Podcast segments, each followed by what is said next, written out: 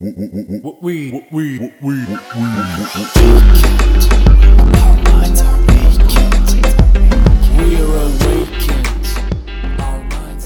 Pozdrav svima, ja sam Martina Đokić, a vi slušate podcast Mentalni nudista.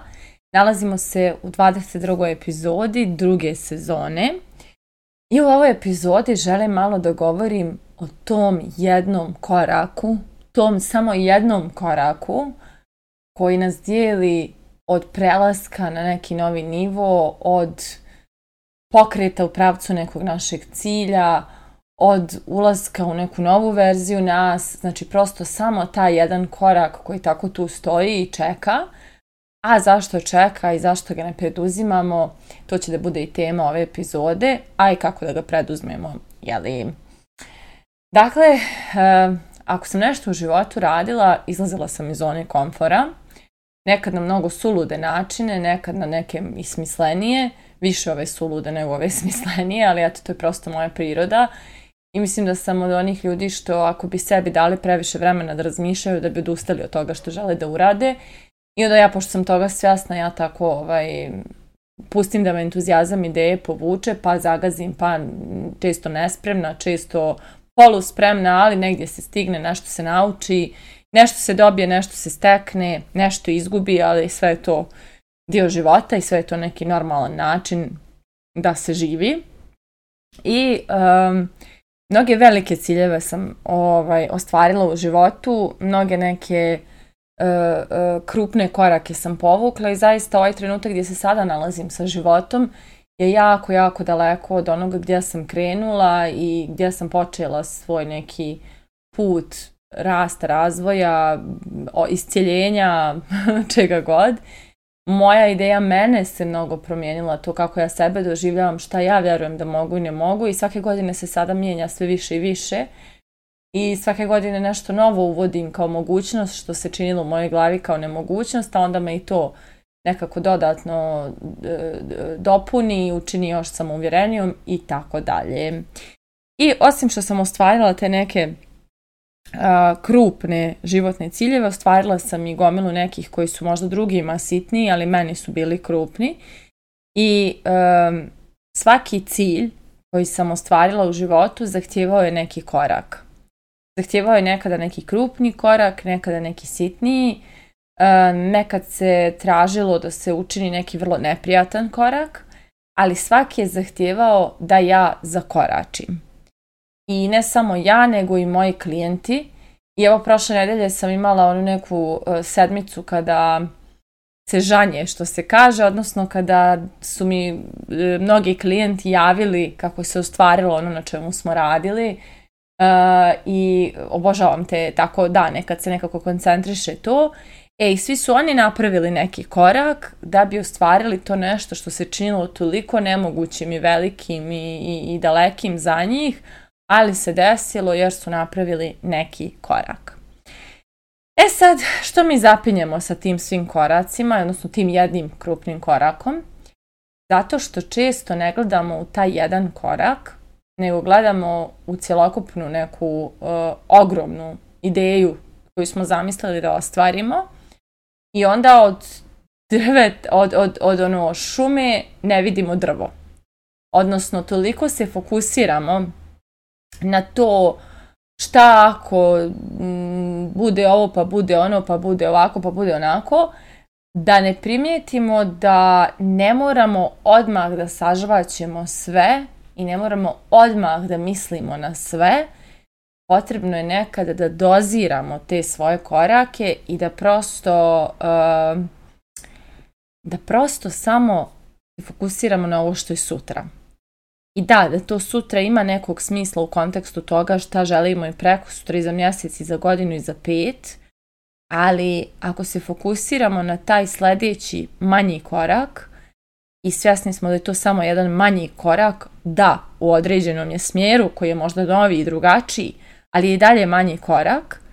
i ako se fokusiramo na njega, uh, onda nekako osjećamo da su stvari i dalje u našim rukama jer jedan mali korak je uvijek lako promijeniti ili povući nazad. Znači, ili preokrenuti u drugom pravcu. Kada gledamo to kao jedan korak,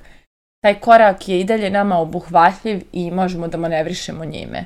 Ali ako smo stalno fokusirali na to da je, kakav je to smjer i gdje smo mi pošli i šta ćemo ako shvatimo da to ne želimo ili ako negdje usput shvatimo da to nije za nas ili ako ovo ili ako ono, mi toliko odemo u tih ako, ako i šta ako, da ne skontamo, pa dobro, čekaj, ali nećeš to jedan dan se probuditi i shvatiti je ja ovo ne želim ili nije ovo pravo za mene ili, ili znači ne, ne može da preko noći da se desi. Prosto na nekom od koraka desit će se jedna, pa druga, pa treća, pa peta informacija koja će nam dopuniti tu sliku jesmo li krenuli u pravom smjeru, da li nam taj smjer prija ili ne prija i onda dok budemo polako dobijali te informacije mi polako možemo i da prilagodimo svoje kretanje svojim potrebama. Odnosno možemo da ga promijenimo u drugom smjeru ako na putu do, ka tom željenom smjeru shvatimo da to nije naš smjer koji nama najviše prija.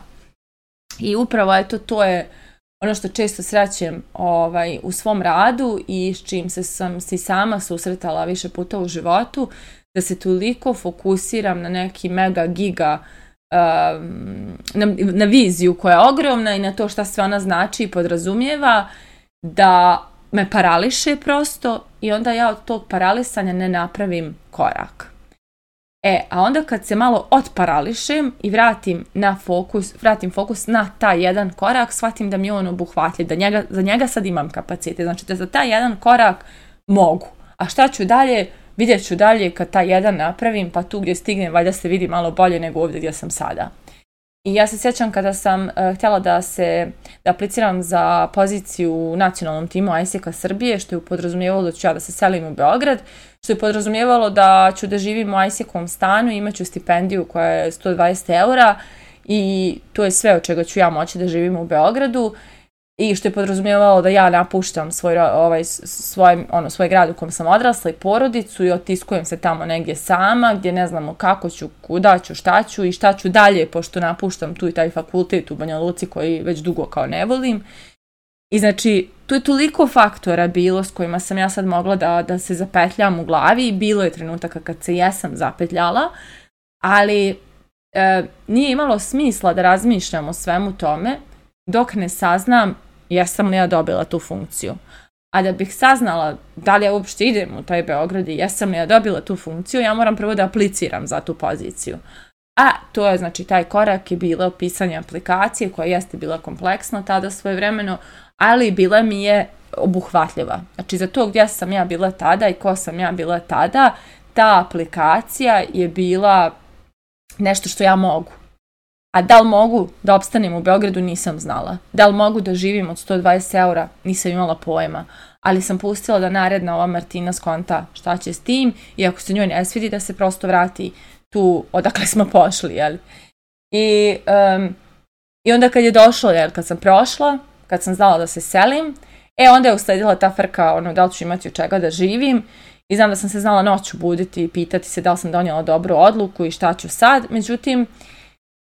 I tada u tim napadima panike oko toga da li ću imati od čega da živim u Beogradu, ja sam opet imala još jedan korak, a to je da odem pa vidim. Pa ako ne može, ja se vratim. Znači, sva, stalno je postojao taj još jedan korak koji ja mogu. A ovih narednih pet ne znam da li mogu. I onda sam konstantno puštala toj budućoj Martini da ona vidi uh, može li ona to i uglavnom je ona imala više znanja i kapaciteta i perspektiva od te Martine koja u tom trenutku mozga i razmišlja o svemu i svačemu. Tako da, um, samo taj jedan korak je često um, obuhvatljiv nama e, svarljiv, možemo ga, ono, zaloga je koji možemo da sažvaćemo, ali mi toliku dramu napravimo oko svih narednih koraka koje nije ni red da sada rešavamo Jer kad napravimo ta jedan, stižemo na neku novu perspektivu i poziciju sa koje se vidi lakše kako ćemo te naredne korake. Na kraju krajeva, ako se ne vidi, evo vratit ćemo se korak unazad i ok je, tu smo gdje smo.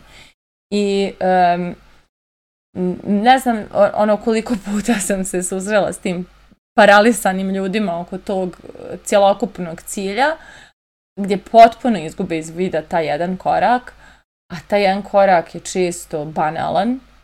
i samo kad njega, onako, kad se na njega fokusiramo i napravimo ga, i onda je ovaj sledeći postaje banalni, pa onda je ovaj sledeći, ovaj sledeći, sve tako i na kraju korak po koraka je to nas tu gdje smo krenuli. I um, evo ne znam, mojih primjera za, ima mnogo gomilu. Um, evo i dolazak ovdje na, na ostrvo i uh, taj ideja da ću da budem sama bez svojih prijatelja neko vrijeme. Um, Koliko god sad sve to možda i na mom Instagramu i svuda izgleda kao sjajno i bajno i jeste, sada je fenomenalno. Kada sam donosila tu odluku, ja sam se jako bojala.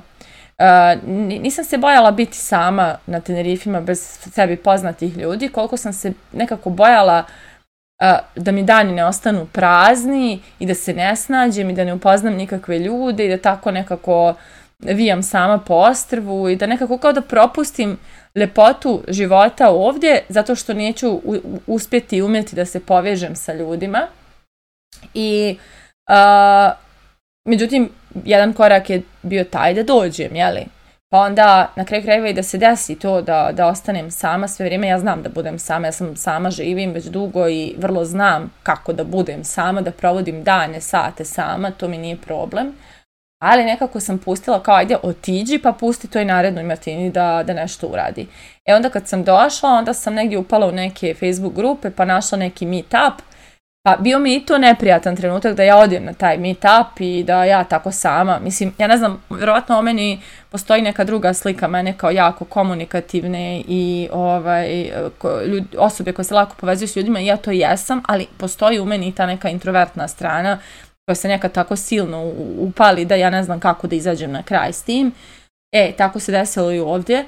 Međutim, bio je samo korak da uđem u kafić i priđem jednoj osobi i kažem čao, ja sam Martina, jesi li ti na ovom etapu i započnem taj razgovor. Znači, samo taj jedan korak je trebalo da se desi, iako je tu sad, ne znam, 20-30 ljudi, ja je trebalo samo priđem jednoj osobi i to sam uradila i onda se završilo tako i da smo plesali svi, družili se i upoznala sam neke zanimljive ljude i tako dalje. E, i onda svaki put ovdje samo taj jedan korak pravio razliku. I, na primjer, uh, u petak sam trebala da se vidim sa jednom djevojkom da provedemo dan na plaži. Uh, upoznale smo se tipa dan, dva ranije. Međutim, ona je u procesu kupovine stana i upala u neke baš ono izazovne administrativne ovaj obaveze I ona meni ujutru javlja kao joj noća soka nisam sklopila, sinoć mi je advokat rekao to i to, moram danas da idem da vadim taj papir i taj papir i taj papir i kao izvini ja ću morati da preskočim plažu. I ja kažem pa dobro, ok, nikakav problem i ja odlučim da provedem sama taj dan na plaži jer ono svakako mi prija jeli, da malo budem sama. A uveče ima meet up na kojem sam opet jeli, trebala s njom da budem i ostaje to da ćemo nas dve da se vidimo. I ovaj, eh, umeđu vremenu zamolim drugaricu da me ubaci u neku grupu gdje su svi stranci koji igraju odbojku i tu je gomila i nomada i tih koji žive tu stranaca sa svih strana. I uglavnom ovaj, krenem ja na taj meetup i na putu do meetupa prolazim kraj sur, surf festivala gdje se dešava žurka i ovaj, pomislim kako je super i kako bih voljela tu da budem, ali nemam, nemam trenutno koga, pa ajde kao otići možda na meetup pa s nekim od tamo ovamo. I u to mi ta cura javlja i kao ja ne stižem ni na meetup, toliko sam iscrpljena do današnjeg dana, tako da ovaj, neću uspjeti ni to. I ja sad razmišljam kao ono, fuck, moram sama da idem na meetup i kao, ja ne mogu, cijeli dan sam sama i sad moram opet s nekim da se upoznajem i kao, malo su mi bile te socijalne baterije istrošene I stojim kraj onog surf festivala i gledam onu fenomenalnu muziku i atmosferu i sve ono i zalazak sunca i plažu i, i predivno neko događaj i mislim se dobro šta je moja sad potreba. Moja potreba jeste da provedem ovo veče na ovim druženjima i da stvarno ovo veče, znači raspoložena sam da ovde večeras plešem, da se družim, da budem u nekom dobrom krugu. Dobro, šta je jedan korak koji treba da uradim? Da se nekome javim. I ja se setim da u toj grupi nekoj stranaca koji igraju odbojku, da se neki momak pisao da je ga na surf partiju, ja mu pustim poruku, čao, ja sam ta i ta, e, vidim da si na toj i toj žurci, da li mogu da se pridružim? I momak se javi kod, naravno, naravno, obavezno, super, evo mi smo sad krenuli, evo mi ta pa hoćeš s nama, pa ćemo onda na ovu surf žurku ja se tu upoznam s momkom, njegovom curom, njegovim drugari, njenim drugaricama i tako dalje. Oni mene na kraju pozovu da sutradan idem s njima na, na izlet na drugu stranu ostrva, na neku skrivenu plažu. Na kraju ispadne juče fenomenalan dan sa njima i onda bukvalno eto taj jedan korak meni otvorio još ono nova poznanstva, još obilazak ovaj, e, nekih dijelova ostrva na kojima nisam bila, neku predivnu avanturu, e, odlaska na neku divlju plažu, znači potpuno onako uh, ulazak u novu dimenziju. A samo je taj jedan korak bio pošalje jednu poruku. Samo, samo se javi jednoj osobi i sve će biti okej. Okay. Tako da, mislim, ovo je sad neki banalan primjer, ali hoću da kažem, uh, kad se svede na tu banalnost jednu, stvarno nije teško. Ali nekad stvarno ovaj, treba da umirimo malo svoj mozak koji bi po svaku cijenu da iskontroliše svaki naredni korak,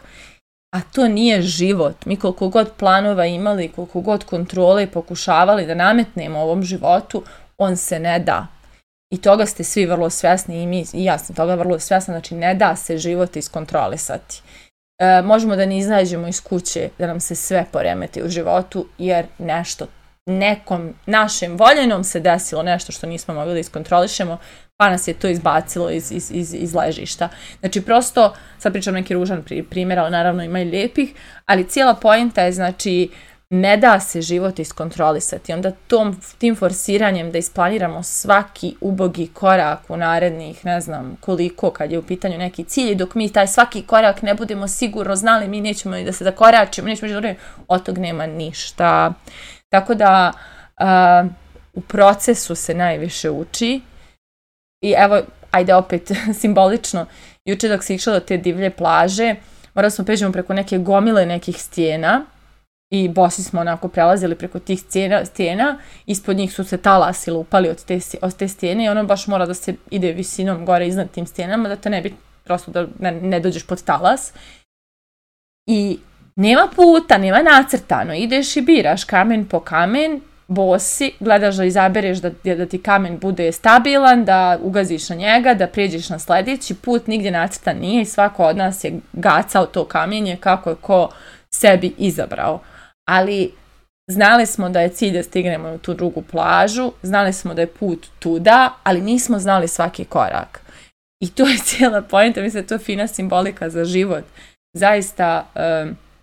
pogledaju kakav je taj sledeći kamen, jel stabilan, nagazi na njega, pa onda od, sa njega se vidi ovaj sledeći. Tako da, ovaj, eto, to je, da kažem, cijela pojenta ove epizode, taj fokus na taj samo jedan korak, koji je obuhvatljiv, koji je moguć, koji je opipljiv, koji je jasan,